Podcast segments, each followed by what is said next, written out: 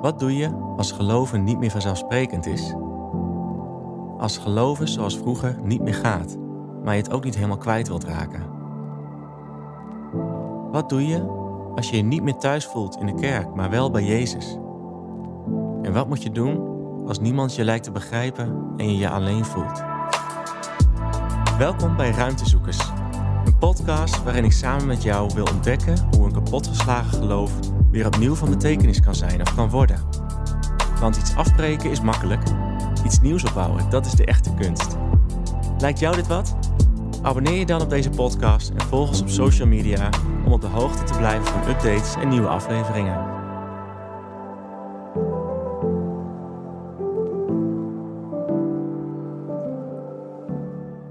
Hallo, welkom bij de eerste aflevering van 2022. Ehm, ik heb nu een aantal afleveringen gemaakt en uh, ja, ik hoop dat jullie daar iets aan hebben, gezien de reacties wel. Uh, dus dat is mooi, daarom ga ik er ook mee door. Um, maar ik hoop iets van mijn eigen zoektocht te delen, waarin ik anderen kan inspireren, um, te overtuigen dat ze niet alleen zijn, maar ook te laten zien dat een vastgelopen geloof niet het einde van een geloof moet zijn, hoeft te zijn. Uh, maar dat het weer in beweging gezet kan worden. Dat er weer nieuwe ruimte gevonden kan worden. Waarin het kan groeien. En um, nou, je zult misschien merken dat, hè, dat het geloof voor mij niet in kannen en kruiken zit. Maar dat het altijd in ontwikkeling is. Ik geloof dat niemand van ons gearriveerd is als het gaat om geloven. En het is ook goed om te benadrukken dat elke geloofsreis uniek is in die zin. We moeten niet alle twijfelaars en eh, zoekers over één kam scheren. We hebben ja, allemaal individuele verhalen over onze weg met God. En de ene twijfel is de ander ook niet. Vaak denken we bij het woord twijfel allereerst aan hè, um, intellectuele twijfel. Diegenen die worstelen met het bewijs voor het bestaan van God. Of dat Jezus echt is opstaan. Of uh, hoe de wereld ontstaan is, noem het maar op. Maar deze vorm van twijfel wordt naar mijn idee het meest benadrukt in kerken en onder christenen. Maar ik geloof dat lang niet alle jongvolwassenen uh, hun brein willen pijnigen door het zoeken naar logisch, rationeel bewijs um, voor hun geloofsovertuigingen. Zeg maar alleen met hun hoofd. Twijfel is voor mij een veel meer genuanceerde ervaring dat niet alleen ons hoofd aangaat, maar ons hele zijn, ons hart, ons bewustzijn, onze emoties, onze ziel. En daar wil ik het hebben, uh, over hebben in deze aflevering. Ik wil als het ware een kijkje nemen achter de twijfel. Want als mensen hebben we verschillende voorkeuren om ons dagelijks leven onder controle proberen te houden. En daar moet ik even een klein stukje theorie over vertellen. Um, volgens de leer van de Enneagram zijn er drie verschillende centra die ons leven voor een belangrijk deel aansturen. Um, het Enneagram, even voor de mensen die het niet kennen, is een systeem om hè, persoonlijkheden te duiden. Uh, niet zozeer om ze een label op te plakken, maar om ze uh, inzicht te geven in van welke voorkeuren je hebt. En um, die spreekt ook over dus hè, die centra. Het eerste is het verstand, ons hoofd. Het tweede is de emotie, ons hart, als het ware. En als laatste ons instinct, het buikgevoel, het onderbuikgevoel. En het is echt heel interessant om hier meer over te lezen. Um, de aanname is namelijk dat een van deze centra zich dominant ontwikkelt in onze kindertijd. Hoe mensen hun geloofscrisis ervaren in de loop van hun leven uh, en daarmee omgaan, heeft dus ook veel te maken met een van deze centra. Nou, ik ga eens even kort omschrijven. Je hebt de hoofdtypen. Um, dat zijn mensen die met hun uh, intuïtie, vooral met hun hoofd, het intellect verbonden zijn. Ze stellen vragen als: hoe zit het allemaal in elkaar? Ze zien het leven als een raadsel in geheim. Ze hebben het gevoel voor orde en plicht. En het geloof moet vooral kloppen. Hun levenstaak is uit de vele twijfels en gedeeltelijke waarheden geloof te laten ontstaan dat niet in het hoofd blijft, maar waaraan ze zich met een hele persoon aan kunnen overgeven. Angst is de centrale emotie bij de hoofdtype. Er kan bijvoorbeeld angst zijn om hè, uh, het, het, uh, de controle te verliezen, of de, de zekerheid. Nou, dat kan in een geloofscrisis gebeuren. Ehm, dan heb je de harttypen. Deze mensen die stellen het gevoel centraal. En het is de plaats van liefde, genegenheid, geborgenheid en verbondenheid met anderen, maar ook met God. En ze stellen zichzelf de vraag: met wie ben ik hier samen? Ze zijn sneller geraakt in het hart, van waaruit ieder op verschillende manieren reageert op de buitenwereld. En het geloof moet voor hun vooral gevoeld en ervaren worden. De centrale emotie hier is verdriet. En er kan in een geloofscrisis bijvoorbeeld verdriet komen door de verloren verbinding met de geloofsgemeenschap of met God zelf. Dat gevoel wat er vroeger ooit, eh, ooit vanzelfsprekend was. Nou, en tot slot de buiktypen. Uh, die hebben als eerste impuls um,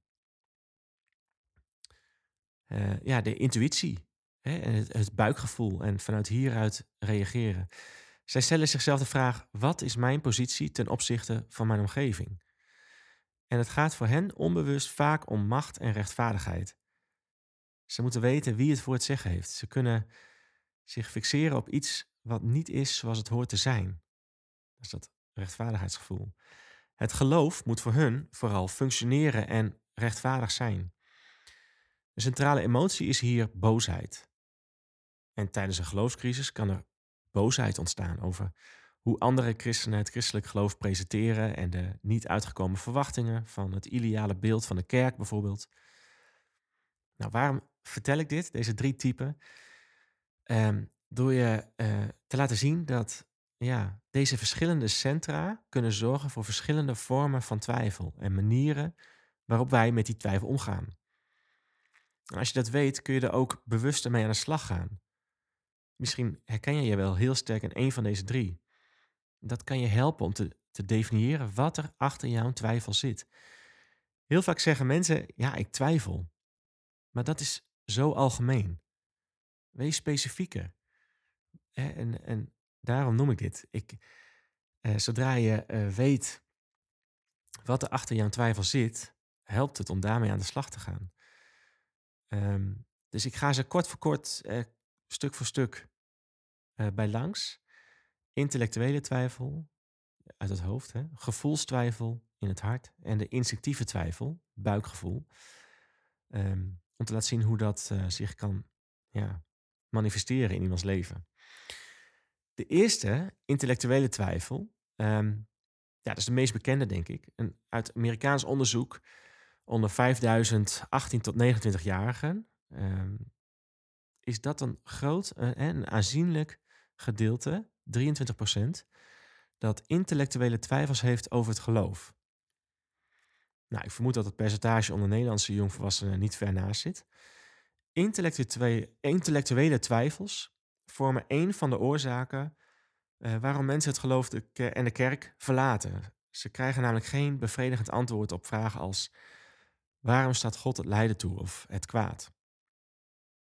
Uh, is het feit dat ik geboren ben in een christelijk gezin de reden dat ik christen ben geworden?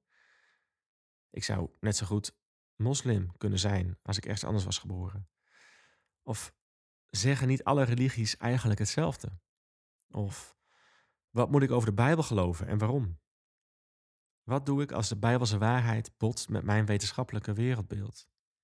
Nou, dit zijn intellectuele vragen. Uh, die kreeg ik zelf op een gegeven moment ook, met name over de Bijbel. Ik kon bepaalde dingen die ik in de Bijbel uh, las niet meer rijmen met een bepaald wereldbeeld wat ik heb meegekregen. Um, de Bijbel en de wetenschap die botsten uh, op te veel fronten dat ik me afvroeg of de Bijbel nog betekenis kan hebben voor mijn leven. Het lezen van de Bijbel gaf mij juist meer onrust dan dat het antwoorden gaf. En dat werd ook nog eens versterkt omdat ik christenen zag met een be uh, behoefte om ja, die Bijbel vrij te pleiten of te verdedigen. Ze gaven me te makkelijke antwoorden, waardoor ik alleen maar meer spanning ervoer tijdens het lezen. Maar ja, als het doel van de Bijbel is om ons te voorzien van een boek vol regels en informatie over wie God is en wat Hij van ons wil, waarom kan de Bijbel dan zo makkelijk gebruikt worden om eh, bijvoorbeeld slavernij te rechtvaardigen en het later ook weer af te schaffen? Of het ondergeschikt maken van vrouwen te rechtvaardigen en ze later ook volop te emanciperen. Of uh, politieke macht rechtvaardigen en het later afwijzen. Aantal voorbeelden. Beide kanten uh, van deze en nog veel meer issues, die zijn omarmd door gelovigen, echte mensen die overtuigd waren dat ze de Bijbel gehoorzaamden. Maar als tegengestelde partijen allebei hun standpunten ondersteunen met de Bijbel, misschien is het voorzien van duidelijk onderwijs niet waarvoor de Bijbel bedoeld is. Uh, maar wat nog belangrijker is, onder al deze vragen over de, de correctheid van de Bijbel zat voor mij deze vertrouwensvraag. Kan ik die Bijbel nog vertrouwen? Durf ik mijn leven nog te laten leiden door wat er in het boek geschreven staat? Ook wanneer de wetenschap, sociologie, archeologie, noem het maar op, mij iets anders lijkt te vertellen. En kan ik mijn eigen aannames over de Bijbel eigenlijk nog wel vertrouwen? Nou, ik ben vervolgens op zoek gegaan naar alle antwoorden uh, op mijn vragen, omdat ik hoopte op zekerheid die ik miste in het geloof. En nou, dat komt weer voort uit een soort controledrang, omdat ik niet goed kon leven met de gaten in mijn geloof. En natuurlijk zijn er heus wel een aantal antwoorden te vinden. Echt wel. Maar elke vraag leidt weer tot een nieuwe vraag. elk antwoord leidt weer tot een nieuwe vraag.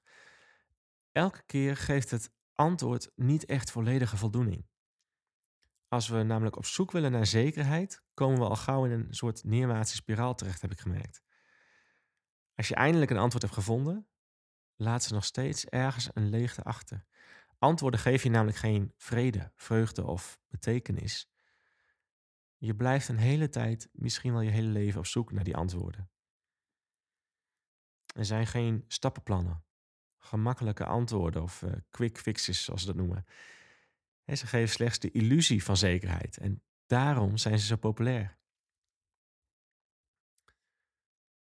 Nou, dat is uh, de intellectuele twijfel en het zoeken naar zekerheid, controle, hè, om de gaten in je geloof te dichten.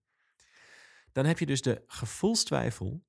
Uh, uit hetzelfde onderzoek wat ik eerder heb genoemd, daar blijkt dat twee van de vijf jongvolwassenen, 38%, zegt dat ze in een periode uh, van hun leven twijfelden aan hun geloof. En voor deze mensen zijn persoonlijke ervaringen of omstandigheden de oorzaak van twijfel. Uh, zo zei 12% dat de dood van een geliefde de oorzaak was van hun twijfel. 18% zei dat ze een crisis hadden meegemaakt, waardoor ze gingen twijfelen aan hun geloof. En weer 20% gaf aan dat de kerk hen niet help, uh, hielp bij depressie of andere emotionele problemen, wat een negatief effect had op hun geloof. Het gaat dus over gevoel.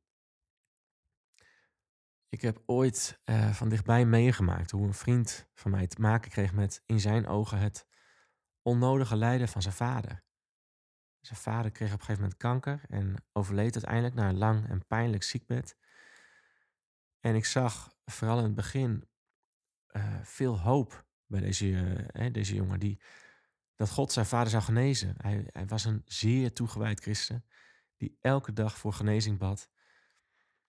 Um, hele brieven aan God schreef en de hele dag door muziek, aanbiddingsmuziek opzette. En maar toen zijn vader toch overleed na een lange en dat pijnlijke ziektebed, wil hij, de, eh, wil hij God eigenlijk ter verantwoording roepen en hem ondervragen op ja, bijna een manier zoals een advocaat zijn verdachte ondervraagt. Waar was u? Waarom liet u dit gebeuren? En op zo'n manier voelt het alsof je ehm, wakker geschud wordt voor die andere realiteit die we kunnen ervaren in het leven de ervaring van een afwezige God. Een God die er had moeten zijn om ons te troosten en kracht te geven. Met het oog op dit en zoveel ander onrechtvaardig lijden in de wereld lijkt God afstandelijk, ongeïnteresseerd of misschien niet in staat om er iets aan te doen. Verschillende negatieve ervaringen of niet uitgekomen verwachtingen, die kunnen uh, twijfel veroorzaken. We hoeven niet zozeer te twijfelen aan het bestaan van God, maar wel aan onze ervaring van zijn aanwezigheid of misschien wel zijn afwezigheid in bepaalde periodes.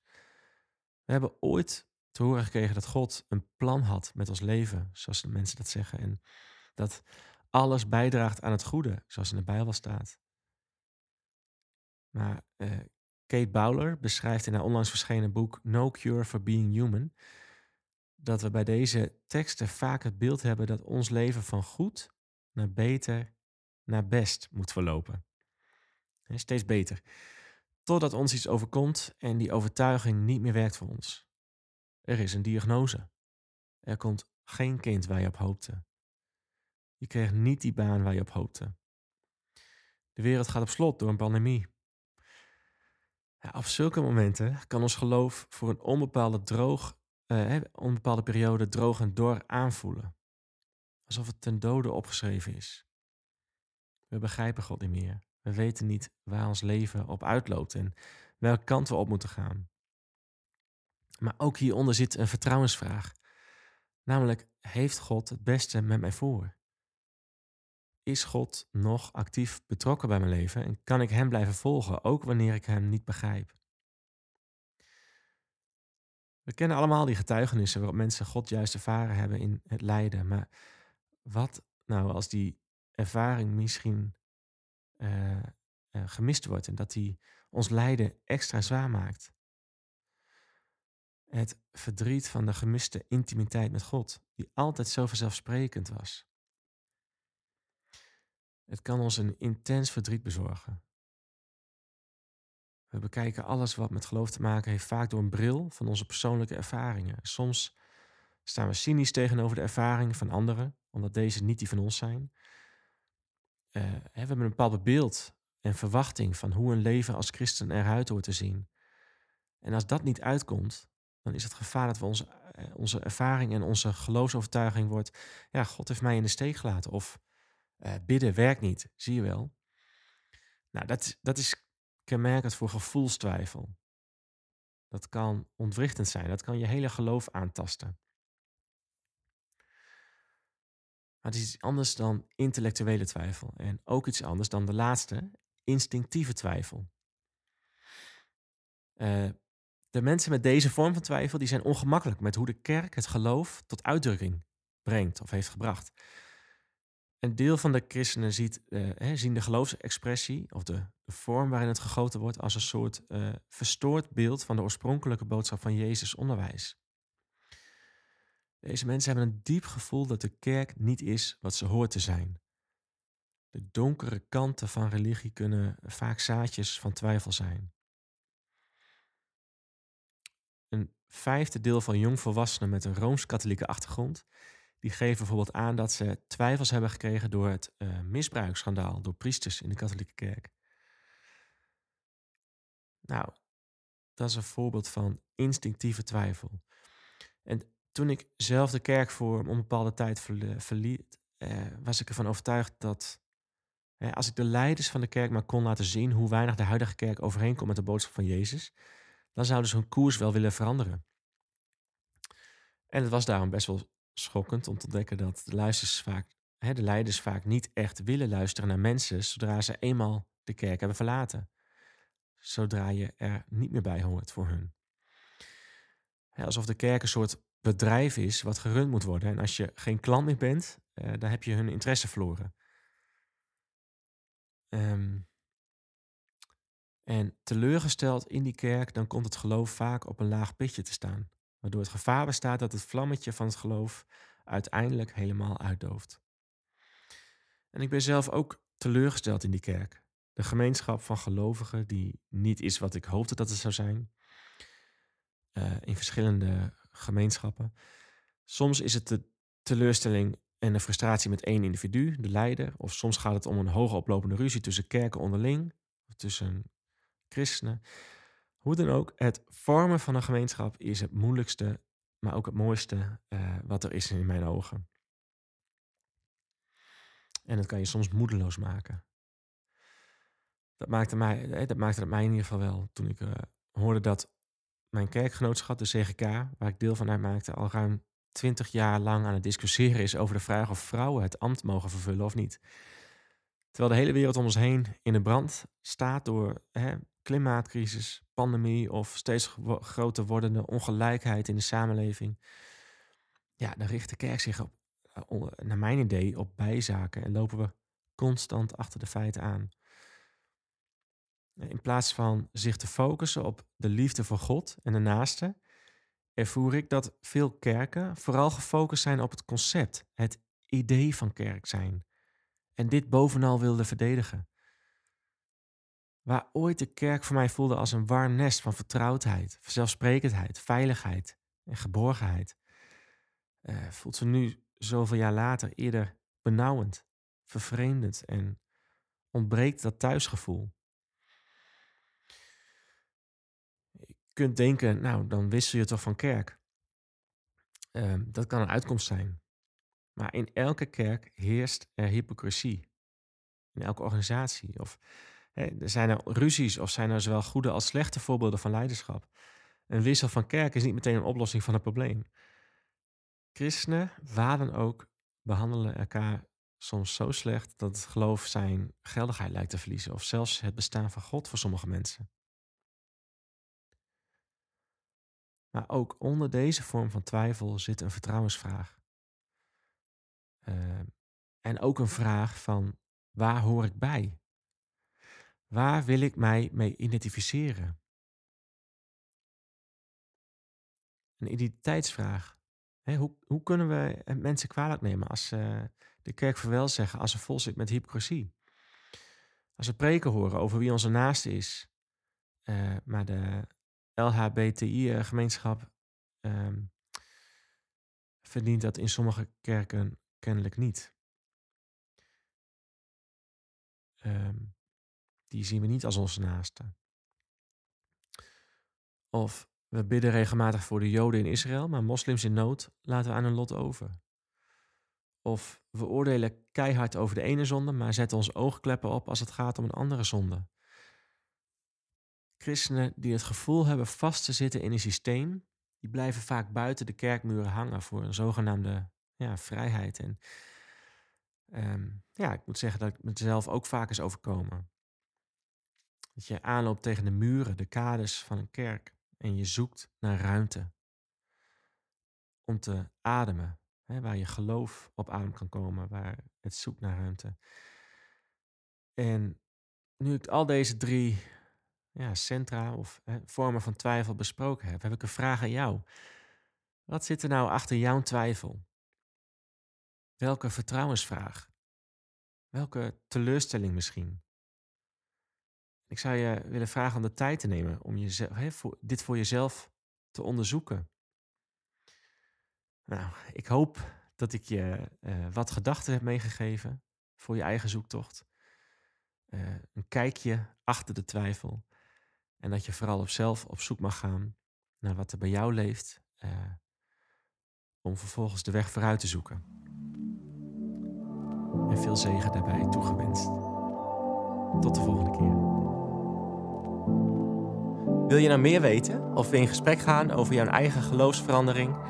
Ga naar www.ruimtezoekers.nl en stel mij je vragen of laat weten wat je van de podcast vond. Hopelijk tot de volgende keer.